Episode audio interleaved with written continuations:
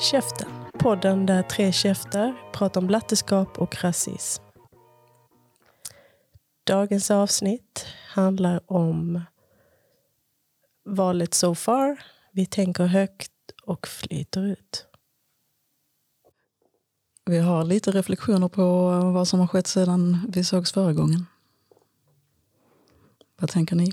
Jag tänker eh, inte så jättemycket faktiskt. Alltså nu känns det ju som att det rullar på. Så här med ministrar som ska tillsättas. Alltså det, det här har vi, ju, har vi ju självklart vetat. Liksom, att, att eh, det är inte bara ett val utan det kommer ju, det kommer ju vara andra saker som, som det går i hand, hand i hand med. Och det tänker jag är, är liksom... Ja, man har väl någonstans bara nu är bollen i rullning ehm, och det blir bekräftat i media hela tiden och eh, uppdateringar på sociala medier och sånt. Eller? Ja, det tänker jag också. Och att man eh, ju nu redan har fått, eh, ja, men fått indikationer på hur det här läget Eh, påverkar eh, in, olika individer och naturligtvis kommer påverka helheten eh, i och med eh, ja, men, tjänstemän och sådär byts ut ett, ett annat mindset som ska verka på flera viktiga positioner i samhället som ju kommer att vara skapat ytterligare tuffare klimat för vissa grupper. Jag tänker också så budget. Alltså vad det kommer innebära. Alltså kultur, kulturbiten. Liksom, eh, alltså fördelning av, eh, av eh, resurser och olika verksamheter i, ehm, om man tittar då i Malmö som vi sitter.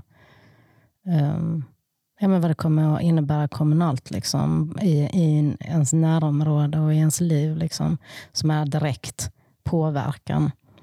Eh, och sen har man då eh, region och, och riksdag. Liksom. Men, men just det här med, med fördelning av vad, som, vad, som, eh, vad man kommer göra insatser och satsa eh, och stärka upp liksom, och vilka verksamheter som då kommer att eh, monteras ner. Mer eller mindre. Ja, Malmö kommer ju bli väldigt påverkat med tanke på hur resultatet blev i regionen. Även om eh, Malmö som sådant klarar sig relativt väl. Eh, jag tänker också public service, alltså så på nationell nivå. Jag tänker på att eh, jag sa ju sist att jag är, är kollande på tv och läser dagstidningar sådär. Men jag läser folks reaktioner på på olika tillstånd och saker så att säga. Så jag har inte noll koll men, men, eh, men jag tänker på att eh, jag har reagerat på de här eh, olika reaktioner kring valet av vice talman till exempel i samband med aborträttsdagen för en, två dagar sedan. Jag tänker på artiklar av eh, Rosanna Dinamarca till exempel. Som, där är någon med titeln eh, Nu får de med osynlighetsmantel steppa upp. Alltså privilegierade människor som inte kanske blir direkt utsatta för rasism. Där man liksom, det jag menar är att olika människor skriver eller förmedlar olika saker. Allt från den här rädslan osäkerheten, otryggheten som många grupper redan lever i. Um, men också någon slags så här, uh, kampen fortsätter. Och så tänker jag att jag väljer att fokusera på det. Liksom, att våra rättigheter är inte, alltså så här, vi kan inte ta dem för givet, de är inte självklara. Vi, vi behöver kämpa för dem varje dag. Och många av oss har ju någon slags också eh, eh, någon, någon bakgrund i att, att eh, liksom kämpat för olika frågor eller eh, själva personligen blivit berörda av olika typer av förtryck och eh, förföljelse och så vidare. Um, jag bara tänker på att ehm, jag blir ändå pepp igen och jag vill fortsätta ha det fokuset. Jag blir pepp på det som jag ser också är att folk börjar reflektera mer. Eh, olika typer av föreläsningar, eh, kurser. Till och med allt från att eh, jag upplever att fler okända människor hälsar på mig helt spontant. Vilket det där är någonting som jag hade glömt bort fanns. Och det tolkar jag också som en sån här... Uh, Okej, okay, någon har ställt sig frågan eller funderat på vad kan jag göra i mitt lilla för att få någon annan att känna sig välkommen. Alltså det är så jag tolkar det. Eller bara så här, jag har inte ändrat något speciellt i mitt sätt. Eh, men... Jag, jag, hade faktiskt exakt samma upplevelse, det är helt sjukt. Ja, men det jag, jag var, också. Jag var, var ute och så, så var det en, kvinn, en kvinna som jag typ, ja, men utseendemässigt fördomsfullt tänker lätt Höllviken, Falsterbo, något sånt. Eh, och som ler jättevänligt mot mig, tittar mig i ögonen och ler jättevänligt så tänker jag oj, det här är ju det är jättekonstigt. Och sen så, så går det några minuter så springer jag på någon annan som gör samma sak. Och sen bara ramlar poletten ner. Och jag bara, de vill förmedla för mig att de inte röstat på SD. Mm. De vill vara tydliga med det.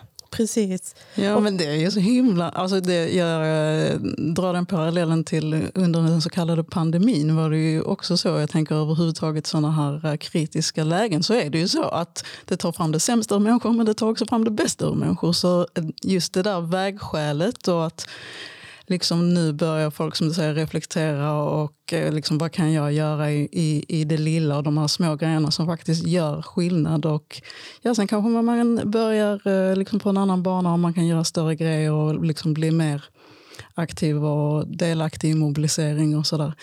Men att det är verkligen de där eh, mötena som ni säger, alltså bara så på stan, hur vi tittar på varandra. Och, det, och jag tänker att det spelar roll. Alltså, även om det kan kännas som en obetydlig grej. Men det spelar ju jättestor roll hur vi ser och erkänner varandra. Liksom. Det är ju bara en första, första steg att inte avhumanisera varandra. Alltså, ja, det är klart att det spelar alltså, och det tänker jag att man kan inte känna att det är en obetydlig grej för det märker du ju direkt i den energin. Ja. Precis. Det jag också har tänkt på att jag läste, som jag berättade för innan om, och jag säger namnen och inte för namedroppa utan bara jag är så, jag blir ändå inspirerad av olika människor som gör någonting och också igen i si, med sina plattformar och den erfarenheten de har försöker sprida och påverka. Och, och jag läste liksom eh, America Vera-Zavallas eh, Insta-konto Svartskalle där det också är så här eh, Eh, varje dag i tio dagar lägga upp en tanke. Allt från att vi behöver vara flera, vi behöver reflektera kring hur vi organiserar oss. Nu idag tror jag hon la upp också någonting om att det här med att om, om nu förtrycket är eh, intersektionellt då behöver kampen också vara det. Hur gör vi det? Hur mobiliserar vi, skapar nätverk, bygger broar? Igen, för att på något sätt motverka och stärka oss som kollektiv. För att det är ju fortfarande så att det är inte som att folk inte har mobiliserat. Folk har ju organiserat sig på olika sätt men vi är fortfarande igen bubblor inom andra bubblor. Liksom. Um, och, och, så bara tänker jag att jag vet att det här kommer påverka oss på olika sätt. Liksom. Um, de här fyra åren som vi har framför oss. Um, men jag vill ändå någonstans behålla den känslan av att okej, okay, vad kan vi göra? Eh, nu krasst, vi som är medvetna eller som vill göra någon skillnad eller som vill eh, försöka eh, där vi står och med det vi har göra någonting liksom, för fler än oss själva. Jag tänker att det alltid blir ju alltid lite ett, eh, ett problem när intersektionalitet kommer in i bilden. För det innebär att eh, rätt mångas engagemang brister någonstans eh, i inkludering. Liksom, och vad är, vilka frågor är det som är de viktiga? Jag tänker också som du säger med att de är just, just det här att vi har olika kamper och driver olika saker, men vi driver alla, allting driver vi eh, alltså utifrån solidaritet och utifrån rättvisa perspektiv. och så vidare. Men vi har olika kärnfrågor och jag tror att eh, alla de olika små bubblorna liksom är nödvändiga för att skapa helheten. Ehm, men jag tror också att alla de bubblorna behöver liksom öppna upp sin medvetenhet. Man kan, man kan ha ett mål av att man kämpar för en specifik sak. Men i det målet så behöver man börja räkna in fler eh, eh, förhållningssätt och fler, fler eh, men mer kunskap, liksom en bredare kunskap.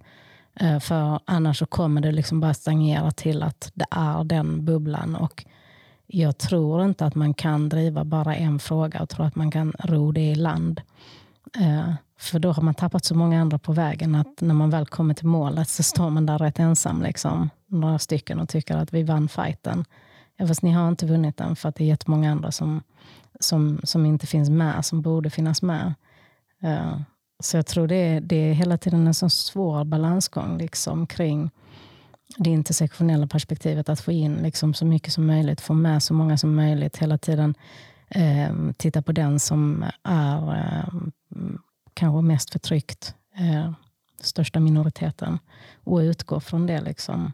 Men eh, det är svårt för alla kamper är viktiga och i, i en enad kamp är det svårt att driva alla frågor eh, på ett djupare plan. Liksom.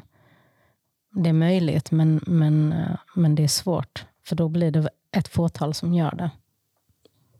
Jag tänker ju att eh, alltså, för det första, om man ska få liksom någon ekonomi på all den tid och energi som man lägger ner så måste man eh, jobba utifrån den liksom, totala frigörelsen. Och då är det liksom, de här bubblorna fyller en funktion men man måste ju liksom ha en, någon typ av paraply för det man gör. Och det är ju, alltså för mig det är det enda som är intressant. Det är frigörelse eller uppgörelse med white supremacy culture, där förbannade medelklassracet som gör, som skapar intersektionaliteten i sig själv, där man eh, kan, alltså det har ni säkert alla varit med om, att man, man kan ju identifiera de människorna som eh, blir utmålade som medlöpare oavsett vilket läger vi pratar om. De som liksom är på andra sidan om saker och ting eller som liksom nu, jag tänker direkt på eh, saker som jag har följt i, i eh, vad ska man säga, efter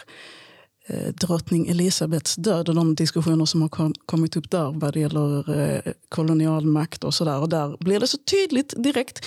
Medelklassen, då är det många som liksom, i alla fall rent utseendemässigt skulle kunna vara vem som helst av oss här. Som liksom blir så här, ah, nej fan vad störigt, nu ska de börja bråka igen. Jag som hade kommit så långt på min position här in i denna vita smeten.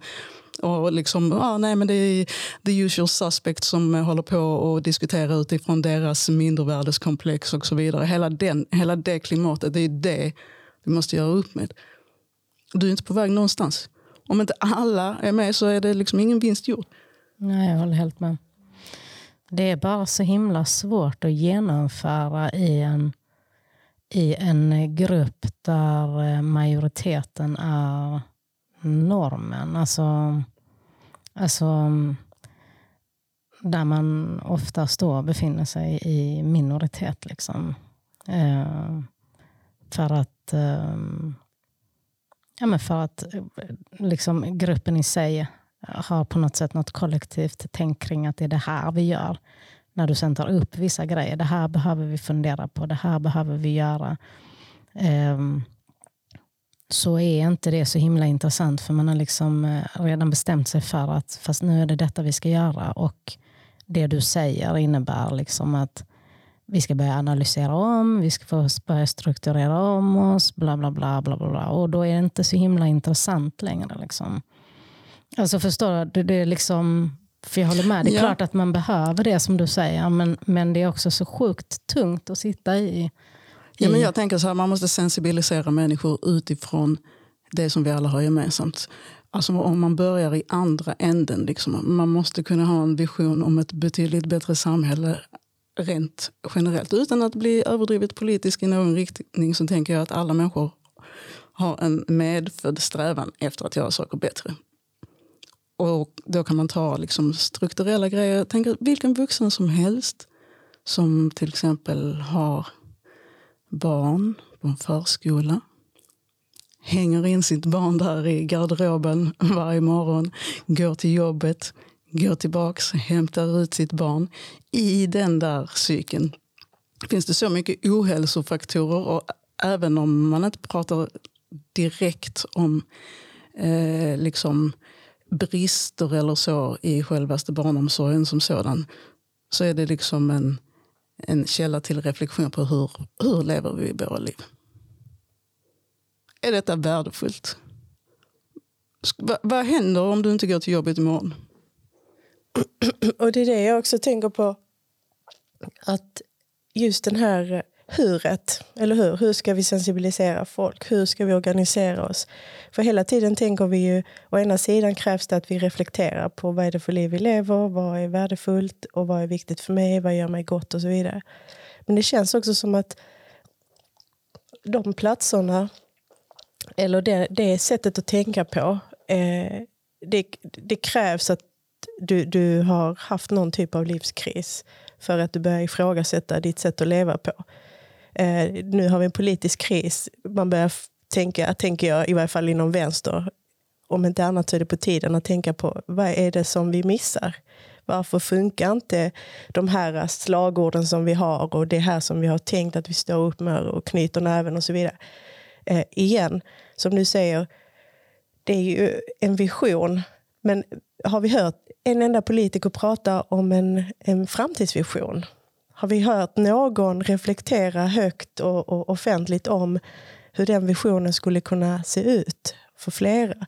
Eh, jag tänker på att, att titta på sig själv igen. Jag, jag tänker att vi börjar där, men att det är skitsvårt. För att kan vi inte erkänna att förtryck, även om inte jag är den eh, stereotypa bilden av den som blir förtryckt, så påverkas förtrycket också jag påverkas också av förtrycket. Jag påverkas också av rasism fast jag kanske inte är rasifierad. Och så vidare.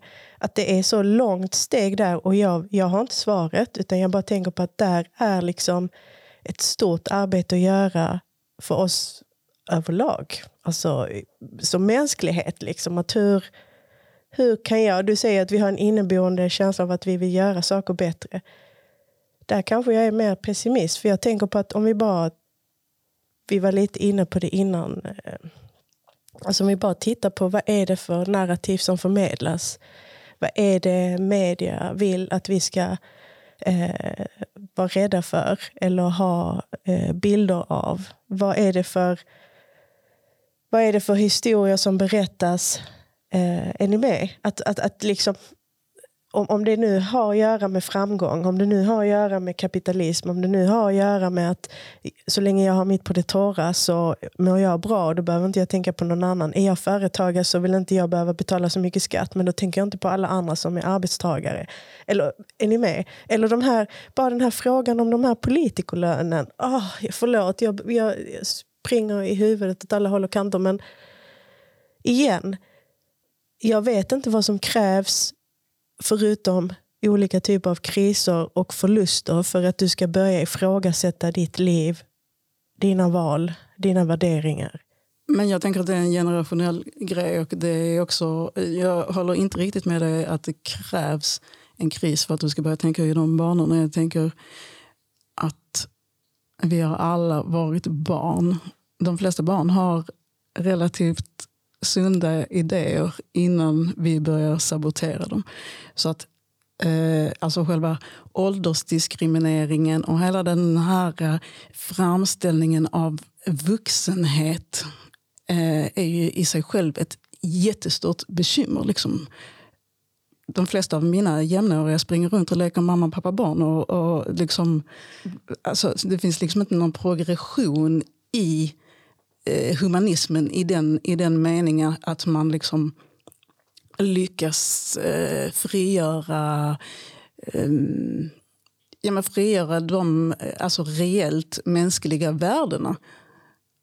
Utan det blir den, de här eh, materiella strävansmål och så vidare. Och sen tror jag att som du säger, att den vägen kommer förr eller senare definitivt att leda dig till en kris. Och då kanske du vaknar upp. Det är jättebra. Men all, alltså vi har inte tid med att alla ska först gå på den niten och sen ska vi börja tänka. Nej. Jag tror också att, alltså jag tänker att det jättemycket handlar om eh, pengar, kapitalism. Um, förstår du, du förstår värdet av, av pengar, du förstår värdet av överflöd. Eh, du förstår värdet av eh, den påhittade friheten i, i pengar och kapital. Ehm, och de, eh, många av de som har kapitalet är eh, kanske inte rasifierade. Eh, och därför så ehm, blir, blir ditt liv inte berört av rasism. Eh, det är klart att det, det kommer att bli det på ett eller annat sätt. Men om det inte blir berört lika hårt som värdet av pengar eh, ger dig själv så, så kommer du liksom inte släppa det. Alltså det allting, allting handlar om, om eh, kapitalism. Du ska tjäna på något sätt. Alltså oavsett, om det är, oavsett om det är ekonomiskt, eller om det är socialt eller om det är titelmässigt på jobbet eller, eller vad det är, eller politikerlöner hit och dit. Och, du ska, du ska hela tiden tjäna någonting på, på det du gör. Alltså, nu springer jag iväg lite här också, men, men jag tänker till exempel det här med att man alltid ska, eh, när man stöttar en, en, eh, en kos, liksom, eh, cancer eller aids eller vad det kan vara, liksom, då ska man alltid få en liten pin. Man ska alltid få någonting för, för sin godhet. Avlatsbrev. Ja, men alltså, alltid. Liksom, för att då kan du både visa upp att du, du har stöttat någonting bra eh, och du har också fått någonting. Och Det finns ett värde i att andra ser att du har gjort något bra. Liksom. Alltså, det är som att vi behöver ett utbyte hela tiden när vi ska göra vissa saker när vi själva inte är kanske de som har, har drabbats direkt av det. Liksom. Ja, alltså, det är ju många som är på en sån eh banal nivå av altruism eller om jag nu får uttrycka mig så. Alltså för det är så lätt att göra rätt sak eller liksom köpa sig fri från olika obekvämligheter eller eh, som du säger eh, viktiga dilemman och problem. och Alltså den här välgörenheten är så jävla billig. Liksom. Ja, det är lätt att göra rätt sak, men du ska också göra rätt sak av rätt anledning. Jag är själv inte någon eh, överdrivet aktivistisk person rent eh, praktiskt. Just av den anledningen. För att jag har en liten sån... Uh, ja, det här är rätt sak, men är det på rätt sätt och är det av rätt anledning? Nej, det är det inte. Vad skulle det göra? Jo, det gör bara mig till, som du säger, jag får ett utbyte och kan liksom utifrån sett framstå som Åh, du var med här eller du gjorde det. Eller nej, nej, nej. Men gjorde jag det av rätt anledning? Det här vill jag aldrig mer höra. Att politiker är underbetalda vi blir ju hela tiden körda bakom ljuset liksom, på olika sätt. Alltså, och då kommer jag tillbaka till Ukraina-kriget. Helt plötsligt så var ju hela världen jättemedveten om, om hur hemskt. Och, och det menar jag inte är någonting för att jag har vänner som är superengagerade på olika sätt. Men det är precis som att man glömmer bort alla andra konflikter som händer i världen parallellt och som har funnits och pågått under hur många årtionden. Alltså ni vet, att det blir så tydligt byte av fokus nu pratar vi om elpriset, vi pratar om eh, olika val, Italien och så vidare. Jag hoppar igen, men jag bara tänker för mig blir det så tydligt att det händer någonting här. Så skiftar vi fokus på vad vi... Alltså, vi pratar ju om media och det som vi får berättat för oss. Vad vi ska liksom lägga vårt hjärta eller vad vi ska lägga vår, vår, våra intressen och, och eh, pengar på.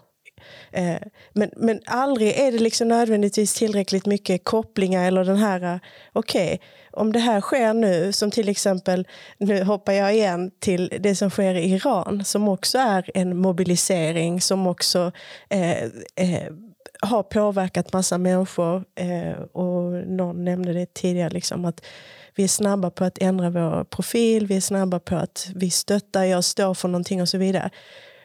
Parallellt med det så är det ju fortfarande saker som blir tagna ur sin kontext. Parallellt med det är det fortfarande vissa människor som ändå blir utsatta för olika typer av förtryck som vi inte heller kommenterar eller glömmer bort.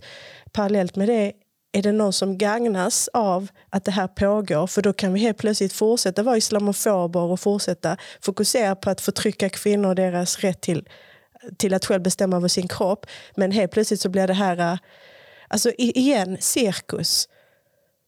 Det, det, jag vet inte vad jag ville komma med det här, men jag bara så här, jag upplever att det är en röra. Och är du inte medveten eller inte intresserad, inte har tid för du har andra basic saker att ta hand om oavsett om det har med din hälsa att göra, din ekonomi, eh, vad det nu kan vara till eh, din familjesituation, att det går så bra för dig så att det är det, det, det, det racet som du kör. Liksom. Att vi är så frånkopplade från varandra.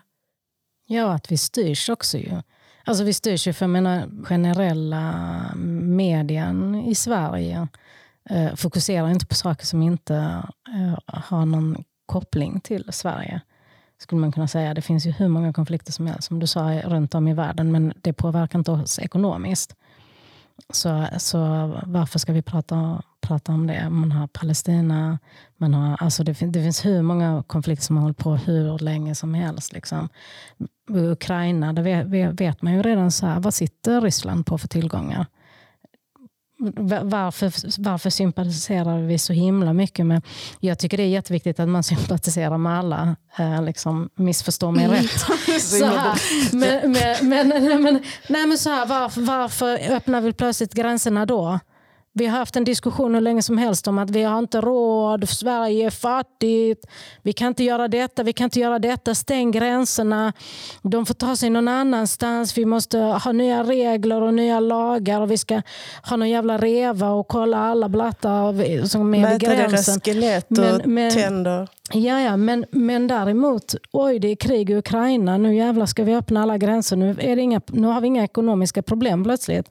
V vad är det som gör att det just är mot, mot den ukrainska befolkningen som, som, som vi tar emot och visar, precis som du säger, var vi lägger vårt hjärta någonstans. Där vi, för, för, förstår ni vad jag menar? Det, det, finns det inget intresse för Sverige så, så kan alla, alla liksom, som vill söka asyl, de kan liksom Eh, sök någon annanstans eller gör vad ni vill men ni kommer inte hit. Liksom. Och där igen är vi i den ekonomiska biten. Liksom. Jag bara tänker på att eh, i början var vi inne också på strategier. Kom ni ihåg? Att bara lämna en sån eh, en strategi vi har eller någonting som vi tänker på att vi tar med oss inför vårt fortsatta antirasistiska arbete i det lilla. Jag tänker i det stora att eh, jag ska missionera runt med eh, avkolonisering. Ja, eftersom det är det jag brinner för. Flera flugor i en smäll. Liksom. Jag är ganska... Alltså jag, jag gillar ju vårt lilla forum här men det här är ju egentligen mitt eh, mitt inverterade bidrag till någon sorts välgörenhet. det här tjänar ju ingen på att jag sitter här. Det är så det, det är bara när man att jag ska känna mig så. Det är så när man är osjälvisk. Nu gör man en podd. Ja, men så det är där det ligger. Ja, ja. Men alltså, det är vi väl alla som sitter här. Uh, nej men uh, det tänker jag att uh, det behöver man ju komma runt till. Alltså det finns ju också en viktig aspekt eh, Eh, som är att eh, för att effektivisera processen så eh, finns det ju många eh, organisationer och verksamheter som faktiskt vill ha eh, hjälp. Och ehm, jag, ehm, jag, jag behåller det här ordet du sa, att vi har alla varit barn. Alltså jag gillade den eh, tanken, för jag, jag brukar ofta säga det när jag är ute på skolor. Så jag tänker på att eh, min strategi mm, i det lilla stora är att bara fortsätta försöka vara närvarande och bara ösa ur mig så mycket kärlek jag bara kan till varenda barn jag möter, träffar, får chans att eh, eh, ha ett utbyte med. Jo, men det känner jag också. Och framförallt eh, att inte ljuga för barn liksom, eller så här, försöka klappa dem på huvudet. Eller, alltså, de fattar saker. Liksom. Är det fucked up så säger jag det här helt fucked up. och, eh, jag vet inte bättre bara för att jag råkar vara 40 år äldre än du. Ja, för, förlåt att jag bara behöver bolla här. Jag, jag fattar vad du säger, men jag bara tänker på att när jag tänker på vad jag själv saknade som barn eller vad jag tänker att barn behöver idag är ju liksom just det. Att, eh, att vi är ärliga men också att vi är närvarande. Att vi bara ser dem. Att vi bara på olika sätt bekräftar. Eh, för det här förtrycket, det du också nämnde sist. Vi, vi har en skola som levererar 20% nazism. Vi har en skola som levererar massa förtryck. Förtryckta barn på olika sätt. Och det är kanske väldigt eh, stort och generaliserande. Men jag bara tänker på att att var, varje barn ska känna till sitt värde. Varje barn ska veta liksom, eh, hur viktigt det är. Liksom, och att den, det barnet, eller tillsammans med andra barn, också kan göra skillnad. Liksom, även om de bara är barn. Jag är inte så fokuserad på barn. Men självklart, barn är vår framtid. Eh, som det brukar låta. Uh, nej men jag har nog ingen strategi uh, överhuvudtaget. Jag tror att jag sitter i tankar kring strategi. Just mobilisering. Jag tänker så här, vi behöver gå underground.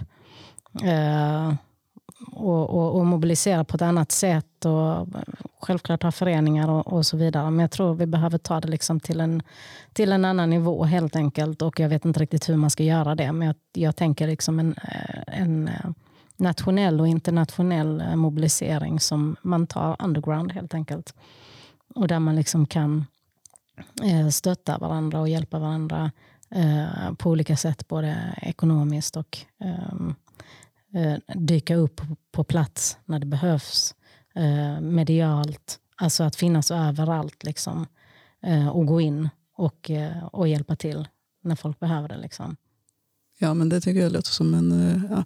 Alltså jag tänker att alltså någon sorts tips sådär för den enskilde är ju någonstans att hitta sin roll. Uh, absolut inte låta sig nedslås av kanske saker som vi har pratat om här innan. Men alltså hitta min roll. Ja, ja, alltså, kan du ge 10 000 spänn så är det fine. Det räknas. Allt räknas. Liksom. Men att så, vad är min roll? Vilket är det mest effektiva sättet som jag kan bidra på? I vilka kontexter och sammanhang ska jag speak up? Och göra saker och ting obekvämt. För det är någonstans det det handlar om. Alltså att bedriva den intersektionella kampen handlar om att göra det obekvämt för de som har det jävligt bekvämt. Och för sig själv också. Ja, naturligtvis. Ta sitt fucking ansvar. Ja men, det, ja, men det är ju också obekvämt att eh, liksom, det är inte bekvämt att öppna munnen Speciellt när man större delen av livet har gått runt och tänkt att ja, men nej, men det är bara jag. Eller ja, men jag kanske överreagerar. Och sen kan det ju faktiskt också tilläggas att de, vanligtvis de människor som eh, är privilegierade eller som inte tillhör minoritet, när de eh, säger till och, eh, och, och, markerar så är konsekvenserna inte alls lika stora för dem vanligtvis som det är för eh, en minoritet att, att säga till. Så det är inte så himla farligt att faktiskt eh, göra det och det behövs verkligen nu. Det här var Käften-podden som aldrig håller tyst. Och vi vill bara säga varsågod till alla som har fått chansen att lyssna på oss.